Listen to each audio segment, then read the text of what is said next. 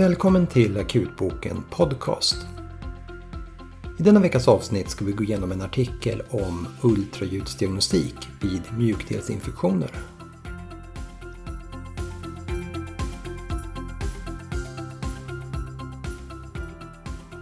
Mjukdelsinfektioner är en ganska vanlig orsak till att patienter söker akut.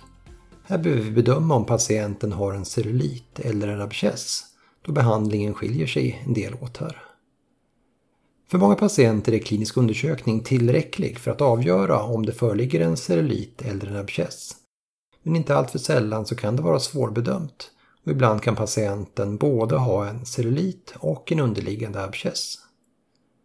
Tidigare studier visar att sensitiviteten och specificiteten för enbart klinisk undersökning för att skilja cellulit från abscess ligger på kring 70-80% och i mer svårbedömda fall, där den kliniska bilden är mer svårtolkad, kan både sensitivitet och specificitet vara betydligt lägre än så.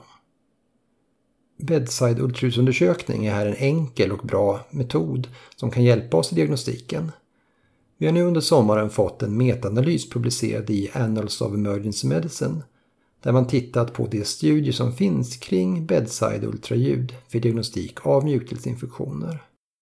Författarna hittade totalt 14 prospektiva studier där man använt ultraljud på totalt 2600 patienter som sökt till akutmottagningar med mjukdelsinfektioner, här inkluderat både vuxna och barn. Metaanalysen talade för att bedside-ultraljud hade 95% sensitivitet och 85% specificitet, vilket således är betydligt högre än enbart klinisk undersökning. I cirka 10% av fallen ledde ultraljudsundersökningen till en förändrad handläggning. Till exempel där klinik talade för cellulit men där man med ultraljud kunde påvisa en underliggande abscess som behövde dränering. Det finns en del begränsningar när det gäller att dra slutsatser från både metaanalysen och de underliggande studierna. Och det är bland annat att hur bra bedside ultraljud är för diagnostik av mjukdelsinfektion sannolikt till viss del är beroende på hur van undersökaren är av att använda ultraljud. Och i flera av de ingående studierna anges inte vilken utbildning eller vilken vana undersökarna har.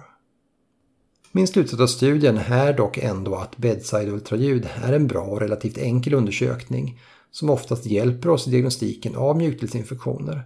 Speciellt i de fall där vi känner oss osäkra på om patienten har en cellulit, abscess eller en kombination av båda. Genom att använda ultraljud i större utsträckning kan vi sannolikt minska antalet abscesser som vi missar med klinisk diagnostik. Samt även att undvika behöva göra provinsektioner i infekterade områden där det inte finns någonting att dränera.